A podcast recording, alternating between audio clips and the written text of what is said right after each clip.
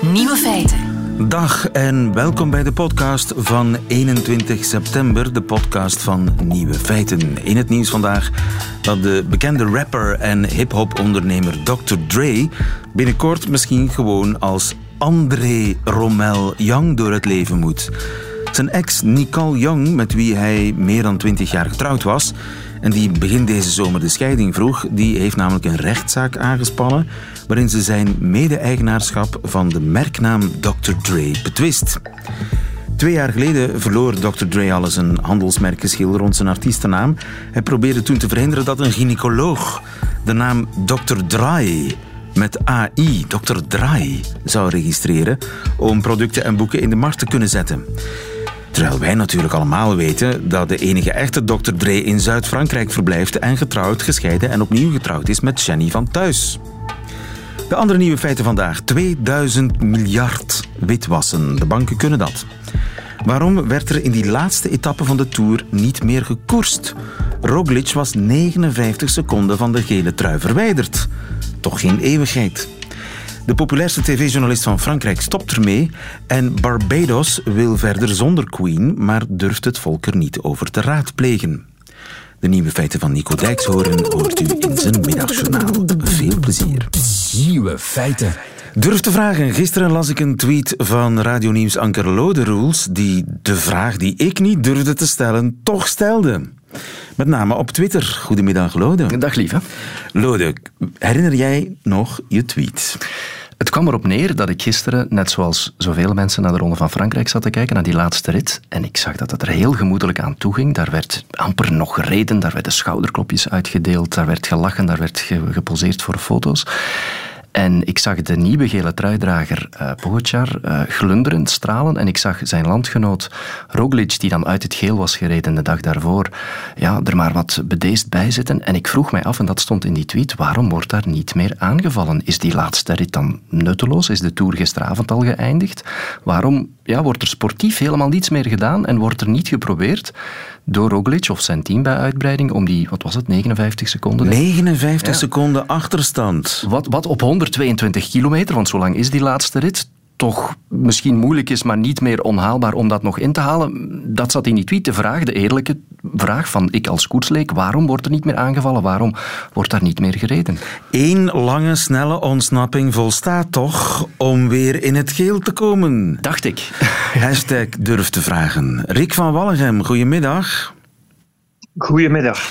Je bent auteur van diverse boeken over wielrennen, wielerjournalist en natuurlijk ook directeur van het Centrum Ronde van Vlaanderen in Oudenaarde. Durf jij te antwoorden? Ja, um, er zijn verschillende redenen. Reden één is dat um, louter sportief gezien, ook uh, gezien het profiel van die laatste rit, is aanvallen is eigenlijk een, een onbegonnen zaak. Dus uh, er, zijn, er zijn te weinig hindernissen, je kunt het verschil niet gaan maken. Uh, het is, het is ook zo dat... Sportief niet te doen. Je kunt geen minuut voor nee, achterstand het, het is, goed maken. In theorie is dat allemaal mogelijk, maar, maar er zijn ook te veel ploegen. Uh, gisteren waren nog tien ploegen, dacht ik, die geen ritoverwinning hadden behaald. Je zit ook met de spurtersploegen die een uitgelezen kans krijgen om te winnen op de Champs-Élysées. Dus er zijn te veel ploegen die uh, gewoon interesse hebben om, als er een ontsnapping zou op gang komen, om die meteen te niet te doen.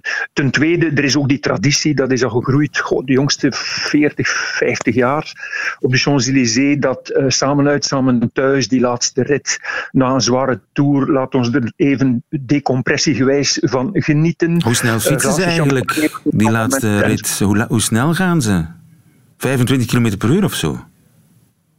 Ja, in, in, in het begin is dat, dat is een fotomoment, dat, dat is meer een PR-moment ook. Um, er is zoiets, een, een ongeschreven uh, wet bijna van uh, die koers is afgelopen. We zien dan wel nog de, de rondjes op de Champs-Élysées. Daar wordt er nog wel serieus gevlamd, maar je valt elkaar niet meer aan. Het is geleden van 1979 dat dat nog gebeurd is. En hou je vast, toen was het niet de gele trui die werd aangevallen, dat was Bernard Hinault. Maar Hinault viel zelf aan. Dus die anticipeerde op een mogelijke aanval van de tweede in de rangschikking toen, Joop Zoetemelk. En Joop was de enige die kon reageren. En je had de situatie op de Champs-Élysées dat er twee renners waren ontsnapt. De nummers 1 en 2 in uh, de rangschikking. En die hebben ook gespurt voor de, de ritzegen. Maar sindsdien is, um, is dan niet meer voorgevallen. Ja, dat dus was nu jamais vu. Mocht ja, iemand het doen, dan zou die eigenlijk ja, voor de rest van zijn carrière een beetje met de nek worden aangekeken en beschouwd worden als een onsportieveling. Ja, ja. In, in de huidige traditie, uh, het is niet meer, het is not done. Uh, je, je doet dat niet meer. Het is iets anders natuurlijk, zoals in 1989 uh, een ultieme tijdrit die nu dit jaar viel op de voorlaatste dag. Ja, dan, dan ga je wel nog voluit. Hoe dan ook, zeker als er nog een kans is dat je zou winnen. Maar op die manier vind ik het wel ook mooier dat op de voorlaatste dag er nog een beslissend moment is, zoals nu met de tijdrit. En dat je dan een, een mooi afrondend feestelijk gebeuren hebt in Parijs. En, en uh, dat, dat er niet meer met het mes tussen de tanden wordt, uh, wordt gefietst. Ja, maar, maar goed, uh, iedereen dacht dat Pogacar die tijdrit niet kon winnen, of althans niet de achterstand kon goedmaken. Iedereen, dat is niet te doen, net zoals jij nu zegt, het is niet te doen om 59 seconden goed te maken op een vlakke rit. Ja, niets is onmogelijk, hè, is gebleken. Nee, ik was er zelf ook bij in 89 en, en we gingen er toen ook vanuit dat Fignon gewonnen spel had. Uh, die Tour werd toen nog gesloten met een tijdrit. Niemand geloofde dat Lemont dat ooit nog voor elkaar zou krijgen.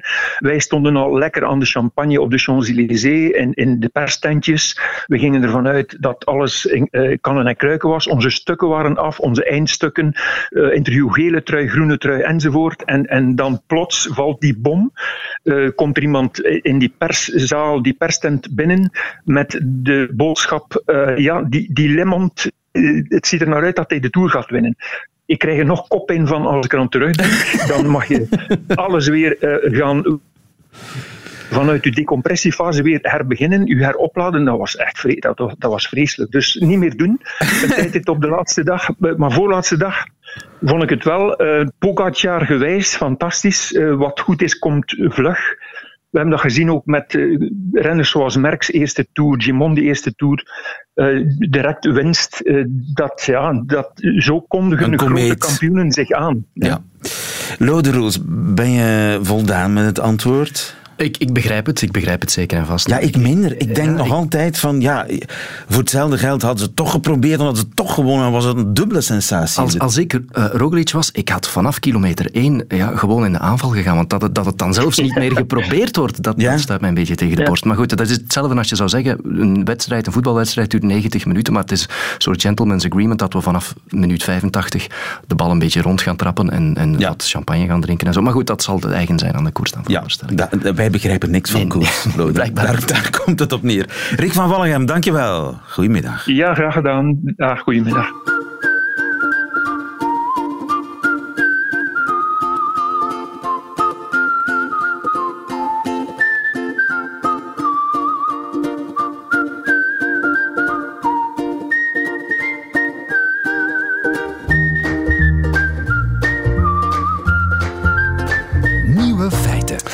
Feit, op Barbados willen ze verder zonder de Queen. The time has come to fully leave our colonial past behind. Barbadians want a Barbadian head of state. Sandra Mason hoorden we de plaatsvervanger van de Queen op Barbados vorige week in haar troonrede. De Caribische eilandstaat wil definitief komaf maken met het koloniale verleden en tegen eind volgend jaar republiek worden. Zal daar een referendum aan vooraf gaan? Nee. De Barbadiaanse regering heeft de beslissing genomen zonder volksraadpleging. Goedemiddag, Mark Reinebo. Goedemiddag. Historicus. Is dat wel verstandig van de Barbadiaanse regering? Uh, het is natuurlijk uh, iets waar veel bij komt kijken of je een monarchie of een republiek hebt. En natuurlijk, uh, we hebben het hier over Barbados. Dat is dus een onderdeel van het voormalige British Empire. is vandaag behoort dat tot de Commonwealth. En die hebben de bijzonderheid dat die Dat zijn onafhankelijke landen, maar hun staatshoofd is nog altijd, in dit geval, de Britse koningin. Dus de monarch, het staatshoofd van het Verenigd Koninkrijk. Ja, voorlopig wel nog, maar dat, dat gaat dus uh, vanaf uh, 2001, eind 2021 veranderen. En ja. je zou toch verwachten dat daar een referendum aan te pas komt, dat het volk het laatste woord krijgt. Ja, dat zou je kunnen denken. Het is niet verplicht, bij wijze van spreken. Uh, maar er zijn nog een heleboel van dat soort landen die in die uh, toestand verkeren. Uh, Canada bijvoorbeeld is ook nog zo'n land. En zij kunnen dat doen met een unanieme stemming in al hun parlementen. Dat zij dan van de Britse koningin af zijn als staatshoofd. Maar bijvoorbeeld in Australië heeft men wel een referendum georganiseerd. Willen wij Elisabeth II in dit geval houden als staatshoofd? En dat is puur formalistisch en ceremonieel, heeft geen enkele politieke betekenis.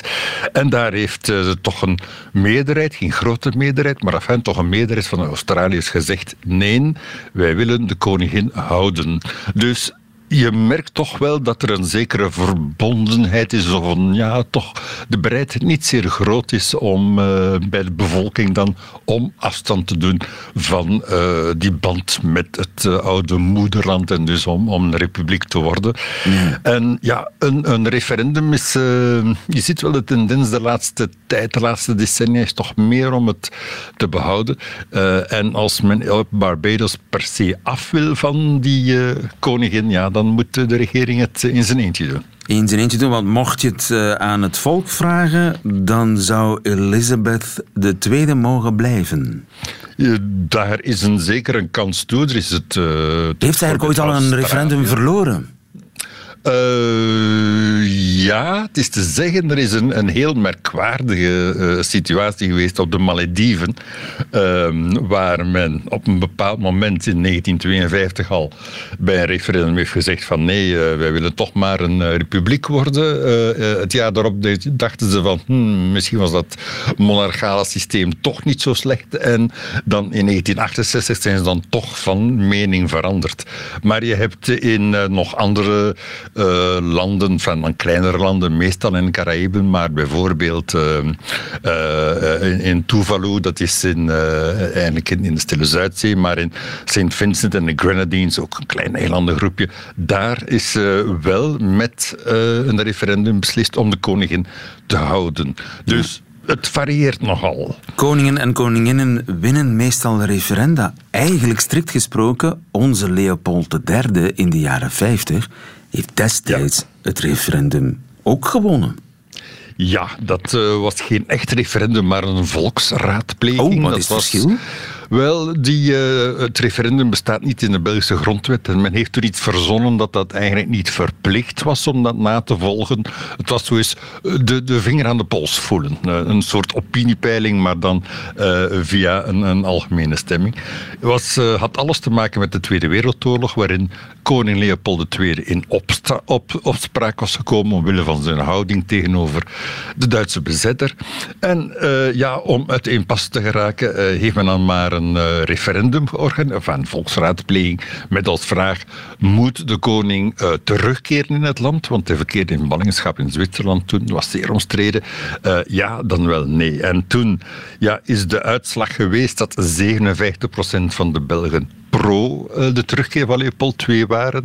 Uh, Leopold III liever. Dus het ging niet echt over de monarchie, maar wel over die ene persoon. Maar tegelijkertijd zag je wel dat de stemming zeer verdeeld uh, was. In die zin dat in Vlaanderen toch grotendeels ja werd gezegd, in Wallonië grotendeels nee.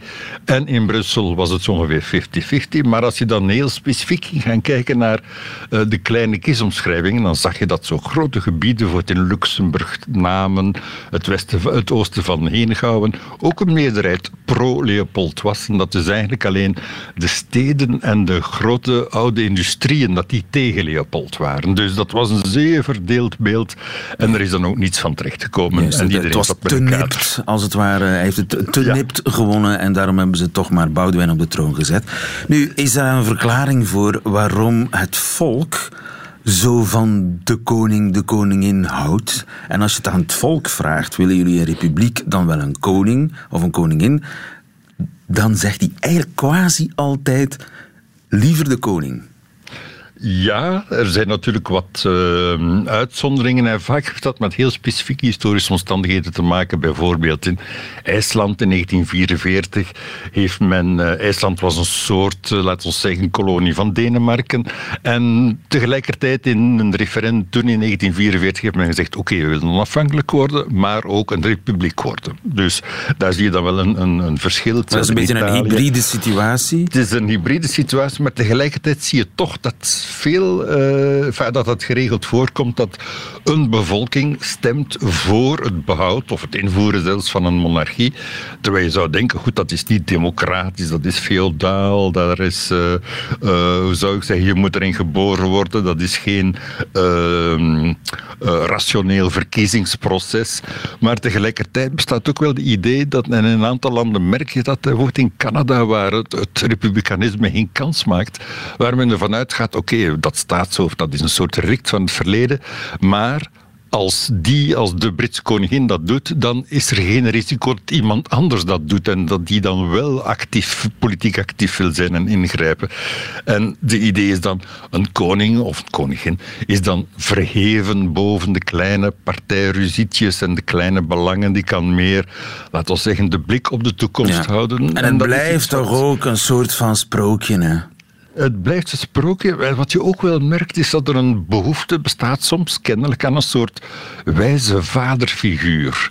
En dat dan zo'n koning dat kan incarneren. En natuurlijk heeft zijn keerzijde, heb je nu gezien in Spanje. Als die koning, die vader, iets te bond maakt met geld of met vrouwen, dan moet hij wel opkrassen. Maar zo, ja, een, een, een, het verhaaltje dat daar rondhangt. Zeer democratische landen in Scandinavië bijvoorbeeld zijn nog allemaal monarchieën. Zweden, Noorwegen, Denemarken. Zeer fanatiek, hè? En vrij, vrij fanatiek. Wat je ook wel ziet, is dat sommige landen dan kiezen, als ze dan toch republiek worden, van ook zo'n wijze paternalistische figuur als president te hebben. Bijvoorbeeld in Duitsland heb je dat, in Israël ook, waar dan iemand afstandelijk, maar met de zorg voor iedereen. Ja. Maar het is natuurlijk minder glamoureus dan... Ja, minder hermelijnen mantel. En ja, als je kunt ja. kiezen tussen hermelijnen mantel of geen hermelijnen mantel, dan zegt de man in de straat, doe mij maar een hermelijnen mantel.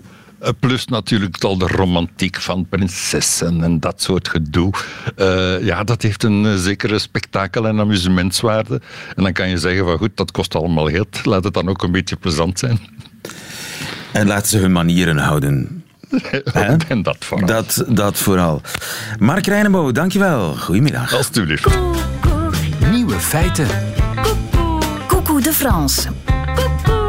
Met Alex Visorek.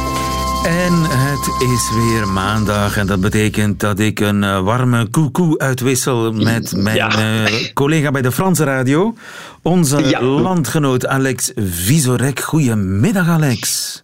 Goedemiddag, lieven. Er heeft een gigantisch aardbeving plaatsgevonden in de Franse televisiewereld deze week. Een enorme shock voor heel Frankrijk. En die werd aangekondigd door presentator Jean-Pierre Pernaut. Het nieuwsanker van Le Journal de 13 heures op eerste zender TF1. Une information importante pour vous comme pour moi. J'ai annoncé ce matin en effet à la rédaction de TF1 et à nos correspondants en région ma décision d'arrêter la présentation du journal de 13 heures, pas tout de suite, à la fin de l'année.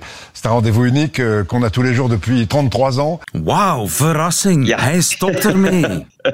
33 jaar elke dag presenteren. Dat is inderdaad een record in Frankrijk. Sinds 22 februari 88 was Jean-Pierre Pernaut het gezicht van Le Trésor. Elke dag te zien in de huiskamer van de Fransen. Gemiddeld 6 à 7 miljoen mensen kijken naar zijn journaal. En het is dan ook het meest bekeken middagjournaal van Europa. Jean Pierre Pernaut was net in juni verkozen als favoriete presentator van de Fransen. En nu stopt hij op zijn 70ste uh, jaar. Een shock voor de Fransen. Il y a Jean-Pierre Pernaut qui va prendre sa retraite. Oui, bah on va le regretter alors. Bah écoutez, franchement. Bah il, bon il- il est jeune, pourquoi il s'arrête Il est jeune. Voilà. Pourquoi il s'arrête Hij is zo jong, 70 maar. Laten we eerlijk zijn, de meeste mensen die het nieuws van eh, 13 uur kijken, zijn ook niet meer van de jongsten. Dat wist ook Jean-Pierre Pernaut. Hij was niet alleen maar een gezicht en een stem. Jean-Pierre Pernaut was ook een stijl. Een stijl die Frans met de pet zo beschrijft. Euh, bah, C'était très varié et on voyait un peu la France profonde que maintenant on voit plus trop. Hein. On voyageait pratiquement, pratiquement gratuitement. Eh ben, je trouve que c'est le, c'est le bas étage du journalisme, c'est-à-dire que c'est pas du journalisme. C'est pas du journalisme. Oula, de Voilà, verdeeld. verdeeld. ja, wij reizen gratis naar het diepe Frankrijk, zegt de ene, La France profonde, maar voor de andere was het geen journalistiek. Ja, Le Trésor van Jean-Pierre Pernaut was eigenlijk, denk ik, het meest Franse journaal ooit. Het ging heel snel door internationale nieuws, om dan veel tijd te kunnen spenderen aan dit soort nieuws. On part en Haute-Garonne. Au menu, tenez-vous bien, haricots, tarbais et saucisses de Toulouse. Ça tient chaud avec le froid qui va finir par arriver. Euh, Montgazin, Péri de Mislange, Paul-Étienne Zane. Wat is dit? Een, een? Ja, hij gaat zien als de haricots eh, goed zijn in Tarbes en de saucis eh, eerlijk in Toulouse. Dat is eh, het kenmerk van Pernod. Heel veel aandacht voor regionale tradities, lokale ambachten die nog op een traditionele manier producten maken. Daarom zei de ene dame dat ze gratis reisde en de andere dat dat geen echte journalistiek was, maar altijd op een luchtige toon. Journalist Hugues Bastien maakte deze montage om dat te illustreren. Superbe image, jolie découverte, une jolie fête, jolie coccinelle, une très jolie manifestation, ses jolies plantes et ses fleurs, de jolies fleurs, très joli parc, une autre très jolie fête.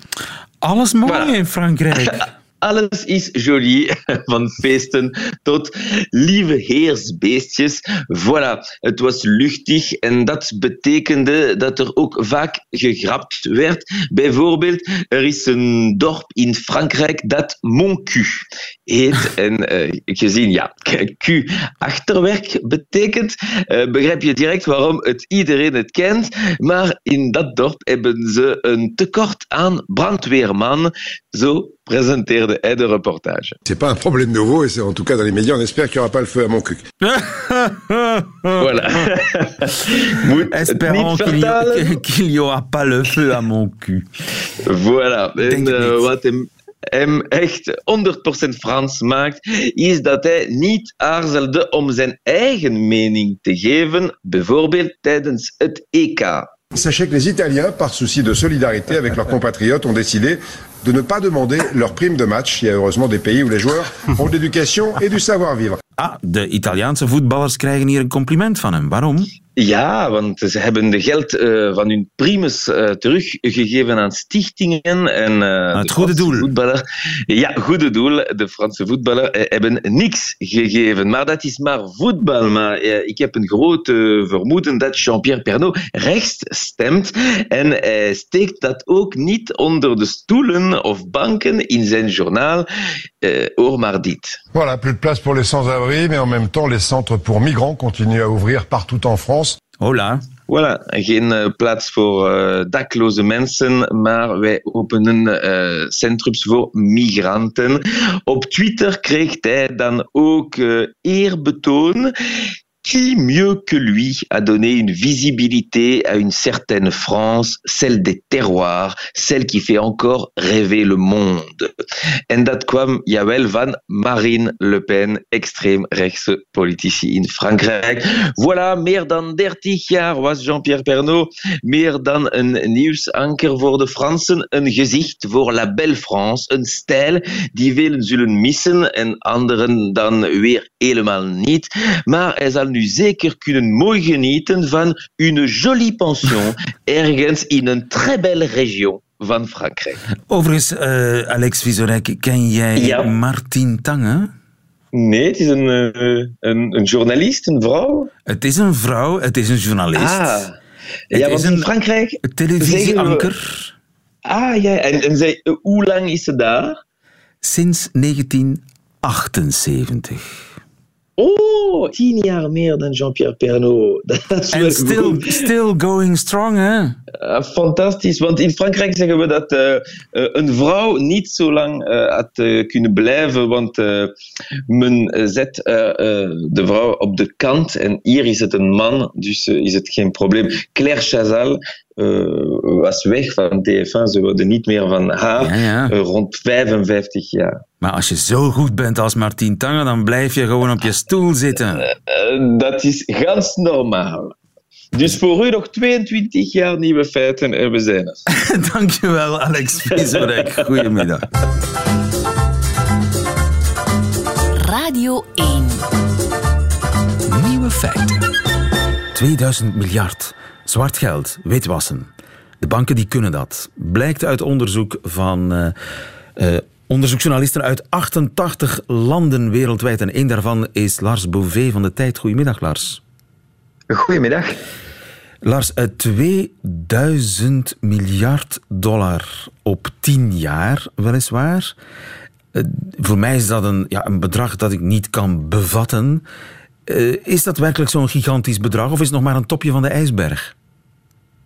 Wel, het is gigantisch inderdaad. Als je die gelekte documenten, het gaat dus over documenten die gelekt zijn bij de Amerikaanse anti-witwascel. Wanneer we die bestudeerden, ja, dan begonnen wij ook te duizelen eigenlijk. Want telkens, wanneer dat je een nieuwe case onderzoekt, gaat het meteen over miljoenen, honderden miljoenen en miljarden dollars ja, aan verdacht geld, vuil geld, witwassen, eh, waar we naar hebben gekeken.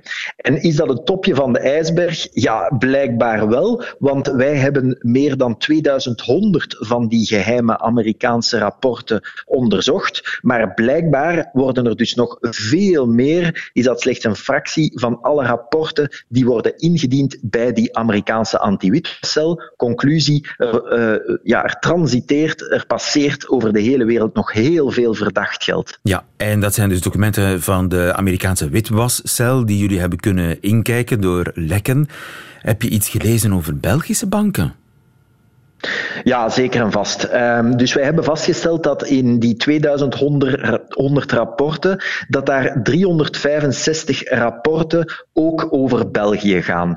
dat, dat is natuurlijk verschillende soorten, in verschillende soorten gevallen. Bijvoorbeeld, soms gaat het maar over enkele duizenden dollars die via rekeningen in België uh, zijn witgewassen, uh, of mogelijk witgewassen. Maar ja, in andere gevallen, we hebben bijvoorbeeld één geval waar het in één keer, in één overschrijving van op een Belgische rekening gaat over meer dan een half miljard dollar. Dat is overgeschreven. En die rekening bleek te staan op naam van een, ja, Britse scher een, een schermgenootschap sorry, op de Britse Maagdeneilanden. Ja. En dat roept blijkbaar heel veel vragen op. Dat soort van transacties. Kunnen de banken dat vandaag niet gewoon ja, veel beter screenen en niet laten passeren? Ja, dat is een, een goede vraag. En het gaat om de, de gewone grootbanken. Onze Belgen, noem ze wat, ING, KBC, Belfius, BNP Paribas Fortis, die zitten allemaal in die dossiers. Ja, we zien dat eigenlijk wereldwijd. Hè. Dus wereldwijd duiken de grootste banken op in allemaal die verdachte geldstromen. En het lijkt soms paradoxaal, omdat ja, die meldingen bij die Amerikaanse anti-witwascel, die zijn ook gedaan door banken. Ja. Maar wat zie je dan? Ja, dat een bepaalde bank uh, opeens zegt, oei, uh, daar is daar een naam van iemand verschenen in de pers op een negatieve manier. En wij hebben dat eens nagekeken en oei, blijkbaar heeft die enkele jaren geleden hier gigantische bedragen doorgestort. En we hebben nog wat meer dingen gevonden en dan blijkt dat ineens te gaan over ja, ettelijke uh, miljoenen, miljarden die zijn doorgestuurd. En ja, vaak is dat dan vijgen na Pasen, want het geld is weg, is ondertussen weer verspreid over ja, verschillende andere bankrekeningen. En dan in, ja, is het heel moeilijk voor het gerecht, anti-witwascel, noem maar op, om dit verder ja, te zoeken eh, en terug te vinden, dat ja. geld. Terwijl op het moment zelf van die overschrijving ze eigenlijk uh, de andere kant hebben opgekeken.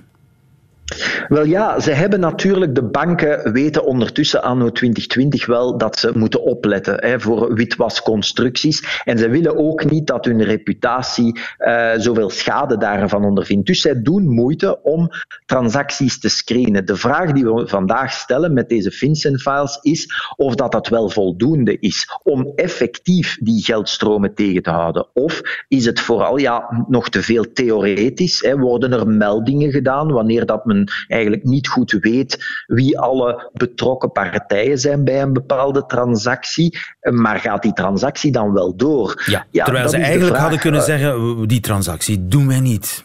Punt. Ja, banken hebben die mogelijkheid. En uh, over de hele wereld zien we dat banken uh, ja, te weinig doen. Bijvoorbeeld, op een bepaald moment gaat men in zee met ja, verdachte banken ergens in, in een Baltische staat en laat men geld jarenlang passeren. Maar dan zien we pas achteraf ja, dat dat allemaal verdacht geld was, omdat die, die gelden kwamen van duidelijk dubieuze oorsprong. Op een ander moment, bijvoorbeeld in de Verenigde Staten, zien we dat de vroegere campagneleider van Donald Trump ja, nog maandenlang, meer dan een jaar nadat hij al in opspraak was gekomen voor witwassen en, en andere duistere praktijken, dat zijn bank, JP Morgan, inderdaad Paul Manafort, dat zijn bank, JP Morgan, nog wel toeliet dat hij ettelijke miljoenen bleef verschuiven uh, via zijn bank. Ja, dat roept allemaal vragen op. Dus aan de ene kant willen banken hun reputatie netjes houden, maar aan de andere kant ja, verdienen ze ook geld aan het versluizen van zwart geld. Zeker, want uh, ja, zo begon ons gesprek. Dit gaat natuurlijk over gigantische bedragen. En ja, daar verdienen de banken natuurlijk ook aan. Alleen als je vandaag kijkt wat nu ja, de reactie op de beurs is, uh, op onze FinCEN-files, op ons onderzoek, ja, die zijn ook niet goed voor de banken. Want heel wat aandelenkoersen van banken tuimelen naar beneden. Hè, bijvoorbeeld HSBC, de grootste uh, bank van Europa, ziet ook zijn koers enorm dalen. En dat is te begrijpen. Waarom? Omdat ja, in het verleden banken al gigantische boetes hebben moeten betalen. Toen bijvoorbeeld bekend raakte dat men ja, geld had uh, helpen witwassen uh, voor drugskartels bijvoorbeeld. Dan kreeg men daar al enorme boetes voor. En zeiden de banken, ja, maar nu gaan we het beter screenen. En dan hebben ze ook hun best gedaan, laat ons zeggen. Maar als we nu zien hoeveel ettelijke miljarden er toch nog altijd passeren via de banken, die duidelijk van dubieuze origine zijn, ja, dan moeten de banken toch misschien eens zien of ze de strijd tegen het witwassen niet wat moeten opvoeren. Ja, en zal jullie onderzoek, deze heisa die er nu uh, op, op zal volgen, zal dat iets veranderen, denk je, hoop je? Wel, dat hopen wij altijd. Hè. Ik, ik, doe dit nu al sinds 2013. Uh, eh, toen heb ik voor de eerste keer zo'n internationaal onderzoek gedaan met ICIJ. Toen ging dat bijvoorbeeld over LuxLeaks en dat ging over Luxemburg.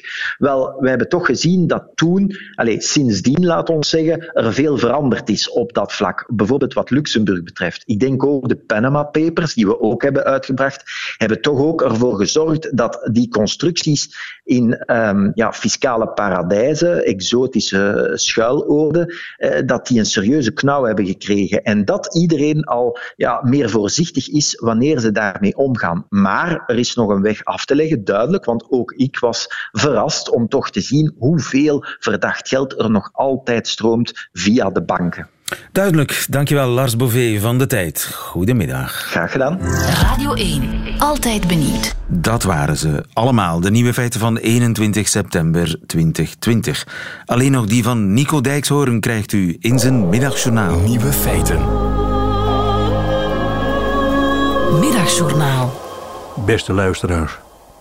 Tot u spreekt iemand uit rood gebied. Als ik naar uw land wil reizen dan gaan bij u alle alarmbellen rinkelen, want ik kom uit Leiden. De stad waarin ik woon heeft bovengemiddeld veel besmettingen en iedere imbeciel kan zien hoe dat komt. Er is een lading nieuwe studenten in de stad komen wonen. Normaal gesproken is dat heel erg lief om naar te kijken. Jongens en meisjes van ongeveer twintig jaar, die als dronken eendjes door de stad zwalken.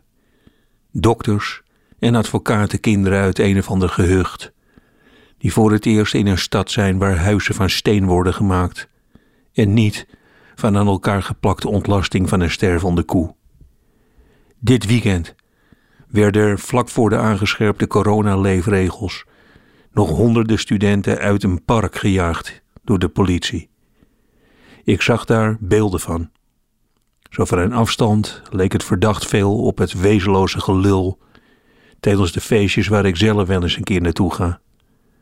Met veertien man om een ijskast heen staan en dan praten over de velgen van je nieuwe auto. In interviews met de weggestuurde studenten, waarin een belangrijke vraag werd gesteld, namelijk: Wat zijn jullie in godsnaam aan het doen? Er gaan mensen doden jullie hysterisch lemmingengedrag, kwam steeds hetzelfde antwoord. Je moet wel. Dit is namelijk de week waarin wij contacten zoeken. We willen er niet buiten vallen, we willen ergens bij horen. Ik luisterde en ik riep soms heel hard: Studeren. Was dat dan niet iets wat ook wel een beetje een soort van belangrijk was tijdens een studie? Dat je ging studeren in plaats van iedere ochtend in de rij moeten staan voor de morning after pill, omdat je de gewone pillen voor de zesde keer in een week uit hebt gebraakt. Gewoon een keer achter een tafel gaan zitten, boeken openslaan en studeren, zonder dat je om het uur dronken klaarkomt. Luisteraars, ik was gisteren even in de stad en ik heb nou niet direct het idee dat de boodschap binnen is gekomen. En daarom wil ik u feliciteren. Uw naar contact zoekende regering heeft een verstandig besluit genomen.